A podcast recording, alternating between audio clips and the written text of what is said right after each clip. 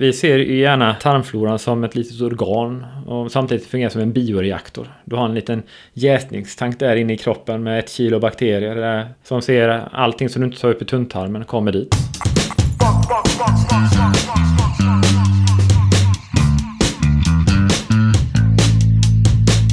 Det här är Akademiliv som är en podcast från Salgrenska akademin som är den hälsovetenskapliga fakulteten vid Göteborgs universitet. Och eh, Elin heter jag. Jag sitter här med min kollega Johanna. Och eh, idag så gästas vi av en av Sahlgrenska akademins mest framgångsrika forskare. Jag vågar faktiskt säga det. För han är både en av de mest citerade och en av de som drar in mest externa forskningsmedel, vilket är en stor grej i vår värld. Eh, Fredrik Bäckhed, välkommen hit. Tack så mycket. Du är professor i molekylär medicin och du forskar om hur bakterierna i våra tarmar påverkar vår ämnesomsättning. Vad vet vi hittills? Vilka bakterier borde vi ha i tarmen för att må riktigt bra? Det där är en väldigt lätt fråga men ett svårt svar. Att det är, forskningen i det här fältet är relativt ny. Det är ungefär bara i knappt tio år som vi har haft en nya meteorologi att titta på hur tarmfloran ser ut. Och eh, man ser att det det finns många olika bakterier i tarmen och man kan vara frisk på många sätt och man kan vara sjuk på många sätt.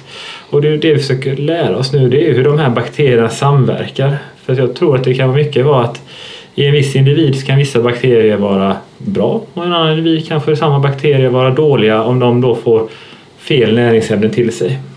Så det är just mm. den kombinationen mellan vilka gener vi har i vår kropp, vilka bakterier vi har och vad vi äter som jag tror kan avgöra mycket om det är en bra eller en dålig sammansättning av tarmfloran. Mm.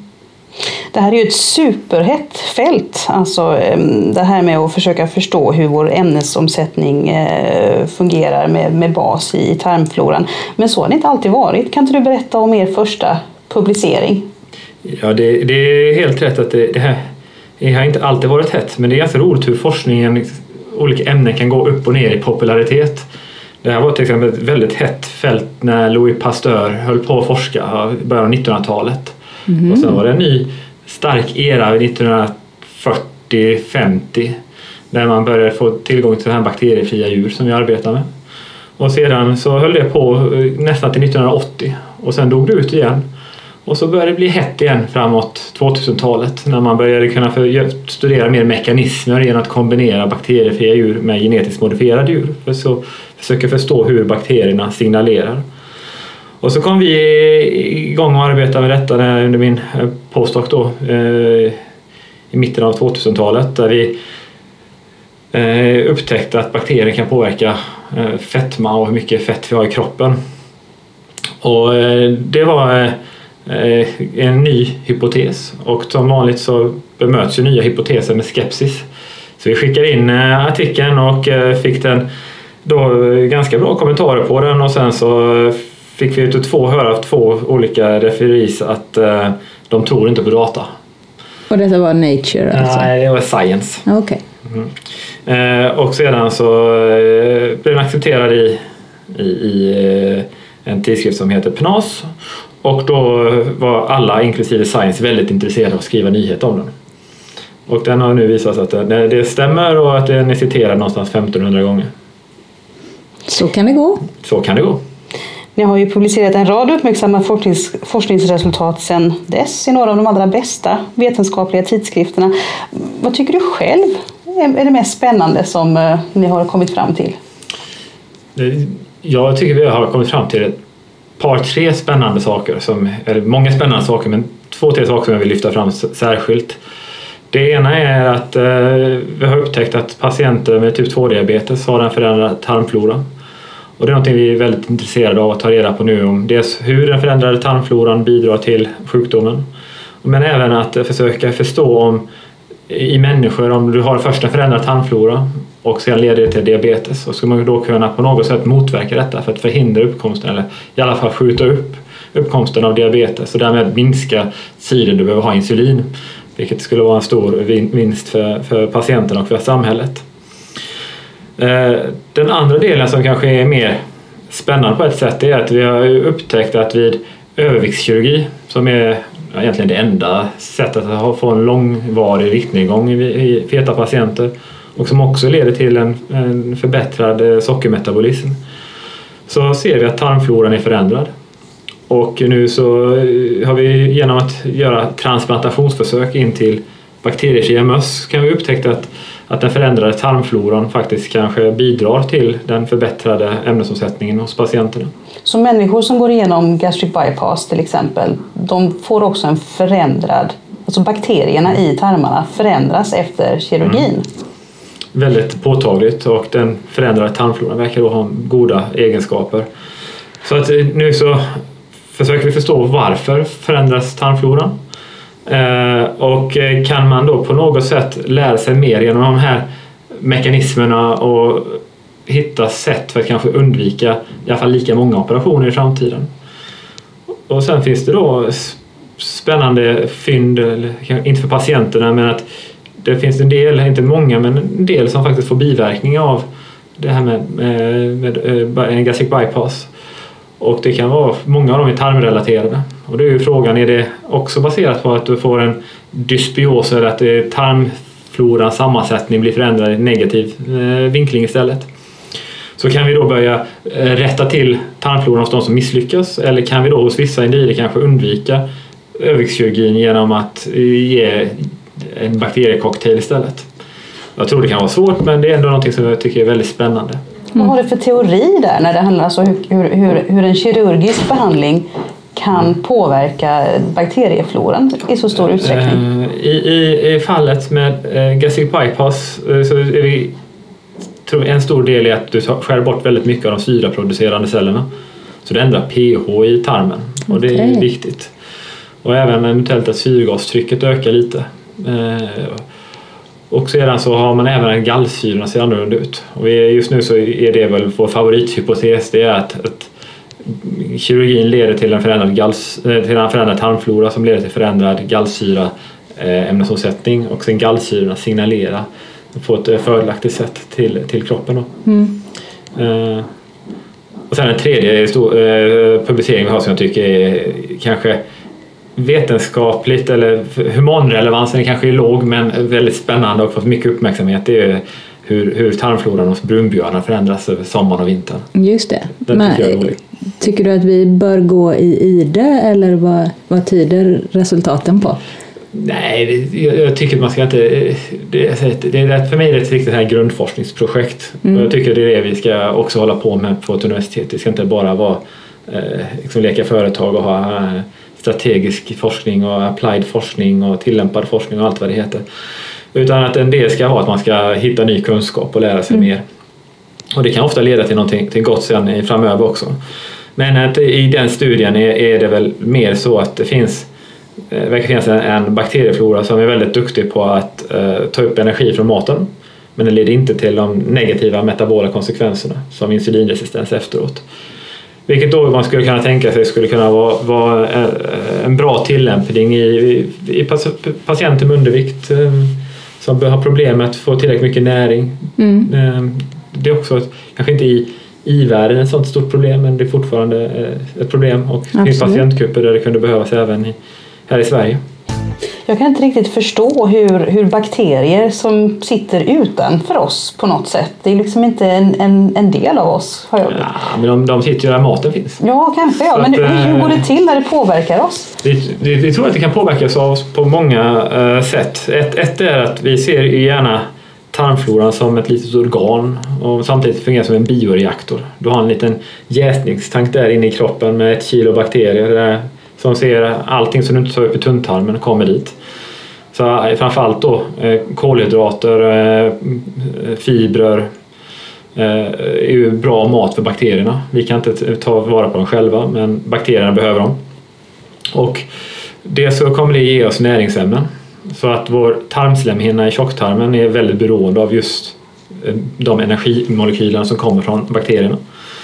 Eh, och samtidigt kan de då påverka vår ämnesomsättning och vår fettmetabolism genom att de tillför energi. Samtidigt finns det då ämnen från bakterierna som är direkta signalmolekyler som är mer hormonliknande eh, som då kan signalera till oss. Och sen har vi ju faktiskt ett väldigt stort nervsystem i tarmen. Det är nästan lika många nerver som finns i det centrala nervsystemet. Och de umgås ju då hela tiden med bakterierna och vad de gör. Mm. Som sen kan signalera vidare till kroppen. Så att man kan väl säga att dels är det då en ren eh, energifunktion eh, energifunktion eh, som bakterierna har. Som då kommer vara viktigare om du kanske äter en väldigt fiberrik kost. Och det ser man att till exempel eh, individer som, eh, när man jämfört eh, eh, individer från Burkina Faso i Afrika med italienare så har de eh, Burkina Faso eh, individerna de har mycket mer bakterier som kan bryta ner kolhydrater eller fibrer. De har större eh, produktion av de här molekylerna och de har en annan sammansättning som av sin tarmflora. Medan de som lever mer västerländsk värld har, har en utarmning av många bakterier. Och eh, det finns studier på det som visar på nu att man, man behöver äta sin broccoli för att ha en god tarmflora och mm. ger man möss i ett par generationer en föda som saknar fibrer så försvinner de bakterierna helt och kan endast återfås genom en fekaltransplantation. Det här med att tarmfloran är på, alltså påverkar sjukdomar och sånt. Vilka sjukdomar vet vi idag påverkas av vilken bakterieuppsättning vi har i tarmen? Det där är en, också en lätt fråga med ett svårt mm. svar. Det känns som det är, det är temat idag. Att, eh, i, ska man vara helt krass så är det väldigt få sjukdomar där det finns en klarlagt orsakssamband i människor att tarmfloran faktiskt är det som orsakar sjukdomen. Yeah. För vi har studierna designats på ett sätt att man tittar oftast på en, en patient och en frisk och så ser man att det är en skillnad. Mm. Men vi vet ju då inte om det är sjukdomen som leder till en förändrad tarmflora eller om det är tarmfloran som gör att du blir sjuk. Mm. Hönan eller ägget? Precis, alltså. och då finns det en sjukdom där det är, jag tror det är helt klart att det är viktigt med tarmfloran och det är den eh, antibiotikainducerade koliten man får om man eh, får Clostridium difficile. Mm. Då vet man att du äter antibiotika, du slår ut din normala tarmflora mm.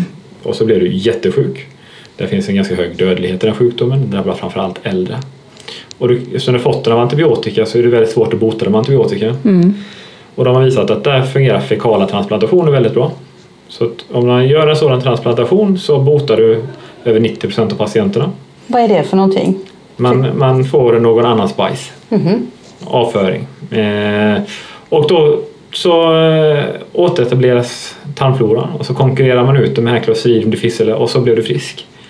Så det finns då många studier som visar samma sak. Eh, och det är verkligen en sån här Lazarus-effekt att eh, de patienterna är jättesjuka, kan ligga på intensiven och så kan de bara gå hem. Mm. Eh, så där är en sjukdom som det är väldigt, väldigt tydligt. Vi, det finns starka, tycker jag i alla fall, starka eh, indikationer på att det finns en tarmflorakomponent i de här ämnesomsättningsrelaterade sjukdomarna. Men fortfarande har det varit eh, svårt att verkligen visa vad det är för bakterier som orsakar sjukdom. Eh, men att, att det, så är fallet eh, i människa, i försöksdjur så är det väldigt tydligt att tarmfloran kan bidra till många sjukdomar. Men där har vi då ett, eh, ett eh, väldigt eh, omskrivet försök som Max Nudorp har gjort i Amsterdam. Och Max är för övrigt då gästprofessor här på Sahlgrenska. Där de gjorde sådana här fekala transplantationer på patienter som hade metabola syndromet. Och då såg man att om de fick en avföring från en, från en frisk, smal individ så förbättrade de sin sockeromsättning. Medan om de fick sin egen avföring så gjorde de inte det. Mm. Så det tyder på att om du ändrar tarmfloran så kan du förändra din, din eh, ämnesomsättning. Blir det en bestående förändring då? Nej, den, den, den består i sex veckor ungefär. Vilket då är, där, så det är aldrig något terapeutiskt eh, utan det, det, det där är forskningsmässigt att eh, där, där tror jag att där finns en möjlighet att genom att modulera tarmfloran så kan man modulera sjukdomen och lika väl som att en förändrad tarmflora kan bidra till sjukdomen. Ja. Eh, men det, det, är alldeles eh, för riskfyllt också att få sådana fekala transplantationer tio gånger om året i resten av livet. Va? Och dessutom så tror jag inte någon vill ha det. Nej, det låter inte jättetrevligt. Nej. Så det är både, så att det, men det, det, är så man kan använda också den metoden som ett forskningsmedel för att se kan, om vi tar fram en slägga och klipper till och byter ut hela tarmfloran ändras din sjukdom? Blir den bättre eller sämre? Då, då har ju tarmfloran någonting att göra med, med, med vad jag tycker med en stor sannolikhet.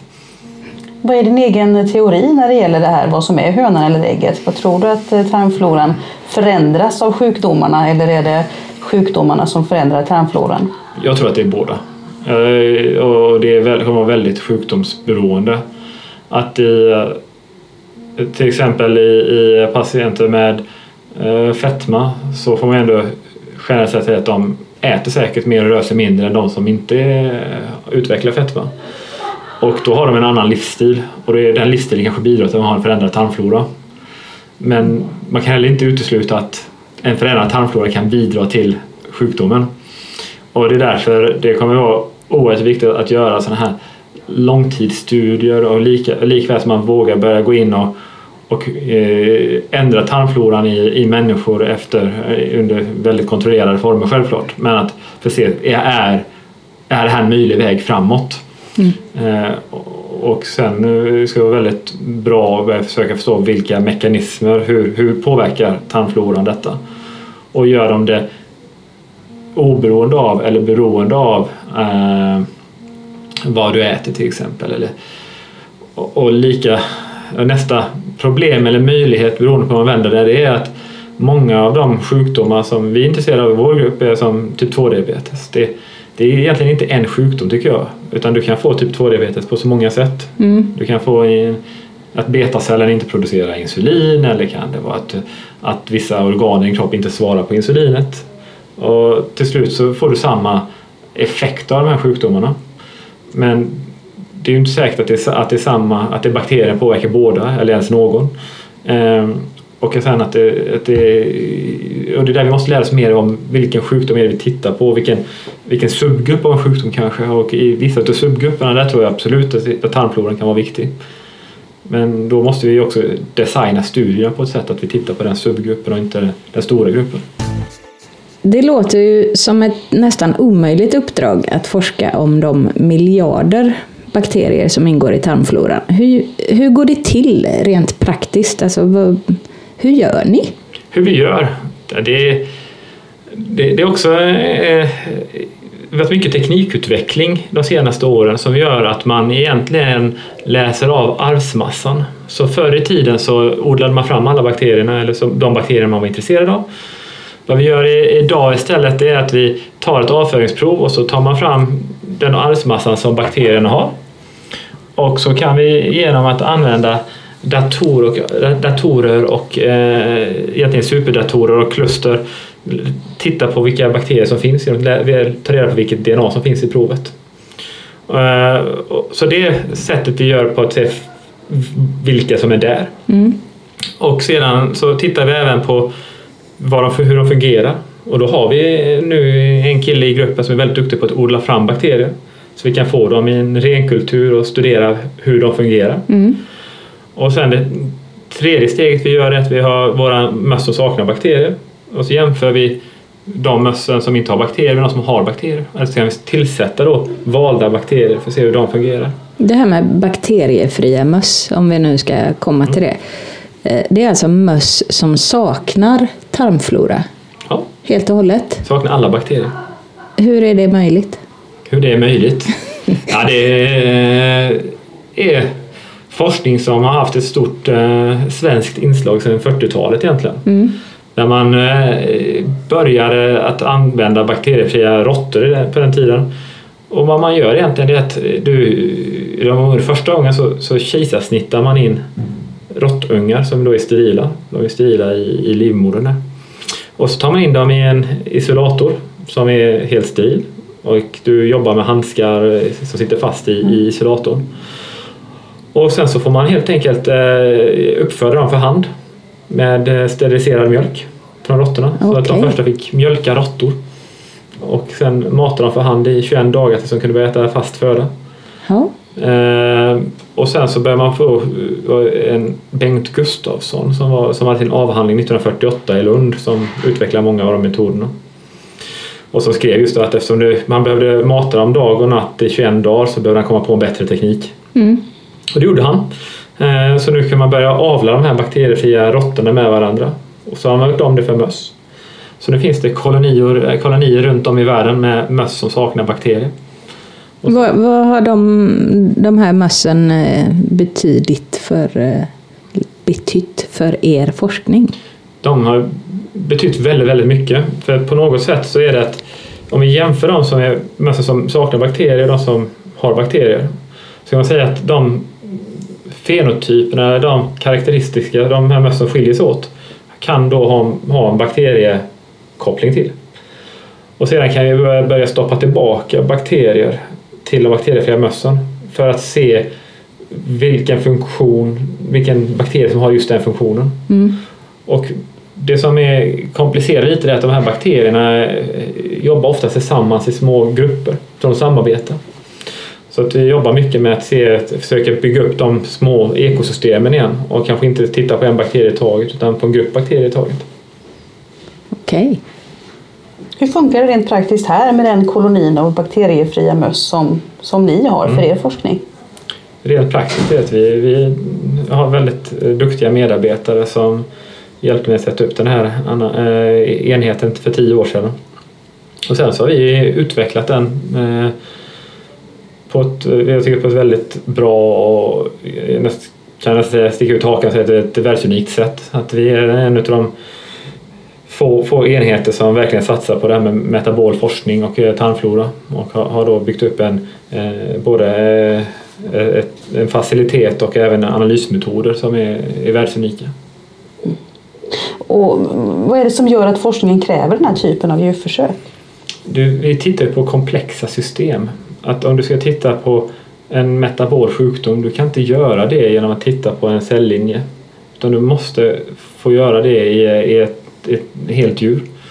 Eh, och sedan får vi vara försiktiga med att inte övertolka data. För detta är ju då ett, vi, vi har botat diabetes i möss många gånger för men sen ska vi kunna göra det i människor också. Mm. Eh, så det, det steget är ju någonting som är viktigt och det är väl eh, en av de stora anledningarna till varför jag valde att komma till Sahlgrenska. Det är just att närheten till kliniken och därför trivs jag väldigt bra med att sitta på Wallenberglaboratoriet där vi sitter på sjukhuset och kan träffa kliniker och diskutera eh, klinisk relevans dagligen och likadant att få tillgång till patienter och patientmaterial. För du arbetar också med patienter och patientmaterial, eller inkluderar det i din forskning? Jag, jag är inte läkare så jag arbetar inte med det. Däremot så har jag läkare i gruppen som jobbar med patienter. Hur kommer de in? De kommer in på olika sätt men eh, de som har varit i gruppen har kommit in, en har kommit in som amanuens på, på det programmet som finns här på, hos läkarstudenter på Sahlgrenska och eh, en annan eh, sökte till mig från Italien som var färdig läkare i Italien och ville börja doktorera på Sahlgrenska. På vilket sätt eh, används patientmaterialen i, i forskargruppens eh, forskning? Ja, generellt sett så är det ju att vi, vi eh, studerar avföringsprover från patienter som har olika ja, eller individer kan man säga, det är inte bara patienter. Eh, och så tittar vi vad de har för bakterier och vad de kan ha för funktion. Det är väl det huvudsakliga. Och så har vi till, ofta tillgång till, till blodprover så vi kan mäta hur olika karaktäristiska hos de här individerna ser ut och korrelera till en förändrad tarmflora. En annan sak som du forskar på är eh, bakteriefloran hos nyfödda. Mm. Små bebisar. Varför är de så intressanta? Det, vi föds sterila, eh, inga bakterier och så på, kommer vi i kontakt med den här världen direkt. Mm. Där vi får bakterier och vi är kanske extra känsliga just då. Och de, då så får man från att gå från en helt eh, steril miljö där du har en helt annan redoxpotential i tarmen med syre och liknande så kommer de här bakterierna bilda ett, konsortium som eh, direkt påverkas av vad vi ger dem för mat. Och sedan så kommer de ändra miljön i tarmen och bereda väg åt andra bakterier. Och detta kommer i sin tur kunna potentiellt påverka utvecklingen hos barnen. Eh, Det finns nyliga studier på, som också visar på att tidigt i livet kan avgöra, framförallt i, i, eh, i länder som har stora problem med undernäring, eh, att, att den första tarmfloran kan vara väldigt viktig. Eh, och det finns nu mycket studier på som också undersöker om om, eh, eller, de har inte blivit publicerade än men att det finns många, inklusive oss själva, som arbetar med att försöka förstå hur, eh, om kejs, hur påverkar kejsarsnitt tarmfloran med de här nya metagenomiska metoderna. Mycket har gjort innan med, od, med odla bakterier och även att titta på med, med ett fingeravtryck vilka bakterier som finns. Men att därifrån gå till vilka funktioner potentiellt de här bakterierna har. Det är betydligt mindre känt. Mm. mm. Det, det, finns ju en, en, en, en, idé eller föreställning eller kanske till och med en sanning om att när man föds vaginalt så får man med sig bakterier av sin mamma mm. på grund av födelsesättet. Mm. Vad är din bild av det? Ja, det stämmer säkert. Och, eh, det finns eh, nu studier på som de kom förra veckan när man försökte visa på att man kunde ta en vaginalsvabb från mamman och ge till barnen för att få en annan tarmflora på dem. Så att det, det, det, är många som jobbar efter den, den hypotesen. Det, det svåra är då att hitta bra kontroller och liknande. Man måste kanske göra lite större studier på det. Mm. Är det bara den yttre miljön som, som avgör vilken eh, eh, tarmflora som vi utvecklar eller kan det också vara rent ärftliga komponenter? Alltså kan våra egna, vår egna, vårt eget genom påverka hur, hur bakterieuppsättningen ser ut i tarmen? Absolut kan genomet påverka. Dock verkar det som att kosten är viktigare än vad, vad genomet är. Samtidigt så är de här ju inte heller helt oavhängiga. För om du tar eh, till exempel eh, tvillingar så delar de sina gener med enäggstvillingar. Men de delar också oftast miljön. För de är födda samtidigt på samma sätt och uppväxta i samma hem med samma mat. Så att det, det, men det, det en, ger en väldigt intressant frågeställning och vi jobbar tillsammans med eh, Kirsi Peterlöv från Helsingfors med en stor finsk tvillingstudie där vi tittar på tvillingar som, enäggstvillingar som antingen är feta eller smala och tittar på hur deras tarmflora ser ut. Mm. Och då så berättar Kirsi för oss att oftast äter de väldigt lika även om de inte bor ens i samma stad. Och de har oftast till och med samma klä, äh, färg på kläderna fastän de inte har pratat med varandra. Okay. Men vilka svar kan ni få då från det? Jag menar om de äter likadant och, och lever likadant och har samma genetiska uppsättning? Då kan vi, använda, kan vi även jämföra det med de som är tvåäggstvillingar som inte har samma gener men lever i samma miljö. Spännande. Ja. Mm. Eh, det här med vad man äter och så, i förlängningen så vill ni ju att er forskning ska leda till att vi får nya sätt att förebygga sjukdomar. Mm. Eh, genom då att påverka bakteriefloran. Mm. Hur, hur tänker du dig att man ska kunna göra det? Egentligen så tänker vi väl oss att det kan ske på tre sätt. Att antingen så tillsätter man en bakterie. Som man tar sig en liten yoghurtshot på morgonen med den, den bakterie som saknas. Mm.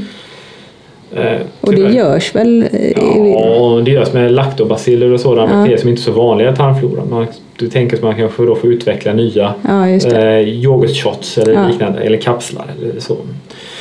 Eh, men det kan också vara så att de saknas på grund av att de inte har rätt eh, miljö att vara i. Så då kanske du får ge dem ett, ett fiber också eller något liknande. Det kallas för en prebiotisk eh, intervention. Eller att man ger dem båda två samtidigt. Det är en symbiotisk intervention. Men sen så är det då att det finns studier som visar på att en del som kanske kan svara lite på varför vissa av oss kan gynnas av en, en lågfet kost eller en lågsockerkost. Varför fungerar inte alla bantningskurer på alla? Ja. Uh, och då, då uh, kanske det är så att vilken, beroende på vilken tarmflora du har så kanske du gynnas av en eller en annan kost på ett bättre sätt. Mm. Det är ingenting som vi kanske forskar aktivt på men det finns andra grupper i, i Europa som gör det. Och det så det, det är väl de tre sakerna som jag ser man kan påverka på ett lättare sätt. Mm. Du var ju ganska nyligen med i en studie som handlar om hela kornkärnor i mm. bröd eh, som visade just på det att det gav olika resultat på olika människor beroende på deras tarmflora. Kan du berätta lite om den studien? Det, det, det är egentligen en sån observation som man känner till, som baseras just på det att vi svarar inte likadant eh, på, på samma intervention eller samma behandling. Och i generellt sett så är de här hel, fullkornsprodukterna ju bra för oss. Men det är inte det att alla svarar precis likadant. Nej. Och just det här fallet såg vi att om man åt ett kornkärnebröd så, som, så hade vi 39 individer så i medel så svarar man bättre med en bättre eh, sockeromsättning. Men eh, vi kunde också dela upp dem så vi tog de tio som var bäst och de tio som var sämst. Och de tio som var sämst de svarade inte alls och de tio som var bäst svarade jättebra. Mm. Och då kunde vi se att de hade en förändrad tarmflora och vi kunde se att i djurförsök så kunde vi föra över och visa på att den förbättrade tarmfloran verkade vara direkt kopplad till den förbättrade sockeromsättningen hos de här individerna. Och eh, då hittade vi att det var en bakterie som heter Prevotella som var Mm. viktig. Mm. Och då kunde vi även göra så att vi kunde tillsätta Prevotella-bakterien till eh, möss och se att om de hade eh, fiber i sin mat så fick de en förbättrad eh, sockeromsättning och hade de inte fiber i sin mat så fick de inte det. Okej. Eh, och det så nu så fortsätter vi det samarbetet med, med, med det här Anti-Diabetic Food Center i Lund och Inger Björk och Anne Nilsson. Där vi istället för att göra som vi gjorde då att vi tittar på grupperna och delar upp de här svarar bra, de här svarar dåligt. Så tar vi nu över 100 individer och säger vi att undrar om vi kan förutsäga vilka som svarar bra och vem som svarar dåligt beroende på vilken tarmflora de har. Ja, ja. Och så håller vi på att göra det försöket nu. Och det skulle vara väldigt spännande för då skulle den kunskapen vi har i första studien kunna omsättas till någonting som kanske har en betydelse för människor. Mm, mm. Det är ju inte så att ett kornkärnor har någon negativ eh, impact på någon men att eh, man kan tänka sig att samma strategier skulle kunna vara användbara vid läkemedel. Där du då har ett läkemedel som kanske har bieffekter Mm. och kan du hitta de som får bieffekterna och de som skulle ha den bästa effekten av dem så kan man då mer, eh, göra mer personliga behandlingar. Mm. Så i framtiden kan det bli så att man, eh, man gör först ett test av sin eh, tarmflora och ser vilken tarmflora man har innan man bestämmer sig för vilken diet man ska satsa på. Det skulle vara underbart. Ja, verkligen. Fredrik Bäcke, tack så mycket för att du kom hit. Mm, tack så mycket. Det här var en eh, podcast från eh, Sahlgrenska akademin och eh, vill du nå oss då har vi en e-postadress akademiliv gu.se och eh, vill du höra fler avsnitt i den här serien så finns det fler och då hittar du dem på de ställena där man hittar andra podcasts som Stitcher och Soundcloud till exempel. Hej då! Hej då! Hej då!